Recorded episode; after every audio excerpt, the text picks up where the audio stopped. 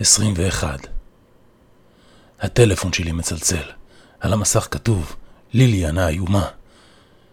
כן, ליליאן, אני עונה, אבל ליליאן לא מחפפת. שלום, אני ליליאן מהביטחון. נמצא פה בחור שטוען שהוא בא לעבוד בערוץ. אין לו תעודה של עובד הערוץ. אומרת לי את שמו, וממתינה שאני אאשר את הכניסה שלו. תקשיבי, ליליאן, אני אומר לה, יש מנהלת חדשה, קוראים לה אנדריה. את יכולה להכניס את מי שנמצא אצלך עכשיו, אבל כשתצטרכי עוד משהו, תתקשרי אליה.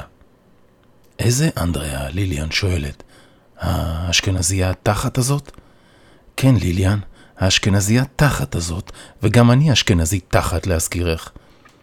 כן, אבל אתה כבר לא הבוס שלי, היא אומרת לי. לא, אני כבר לא. אז כבר לא אכפת לי שאתה אשכנזי תחת. אוקיי, ליליאן, להתראות. אל תתקשרי אליי יותר. אני מנתק את השיחה. כולם בשקט. עדיין שומעים את הציריות של האוטובוס חורקות קלות בסיבובים, את זמזום המנוע עולה ויורד כשהאוטובוס מחליף הילוכים, ואת הרעד הבלתי נפסק של כפית המתכת בתוך כוס זכוכית במטבחון. אנחנו עוצרים בחניון של תיכון בגין בראש העין.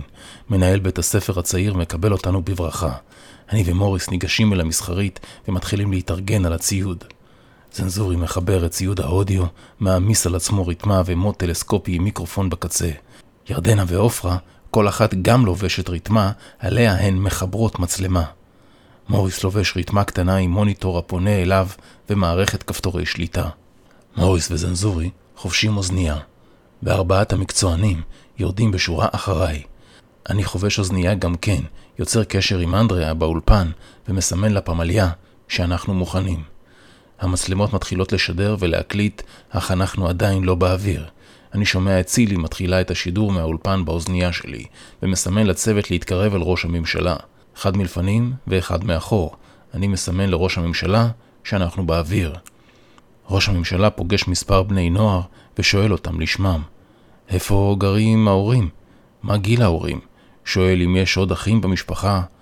לכל בן נוער כזה הוא אומר שהוא מאוד אמיץ, ושהמדינה דואגת להורים שלו, ושהמדינה צריכה שהוא ידאג לאחים שלו, ושאם יש בעיה, שיתקשר אל הוועדה הפרקטית לנושא משפחות. השידור מהשטח נמשך ללא תקלות, וכעבור בערך שעה אנחנו מסיימים מפגשים אישיים עם בערך 20 בני נוער, וראש הממשלה מסמן לנו להתחיל להתקפל ולצאת אל תיכון חדש ביבי.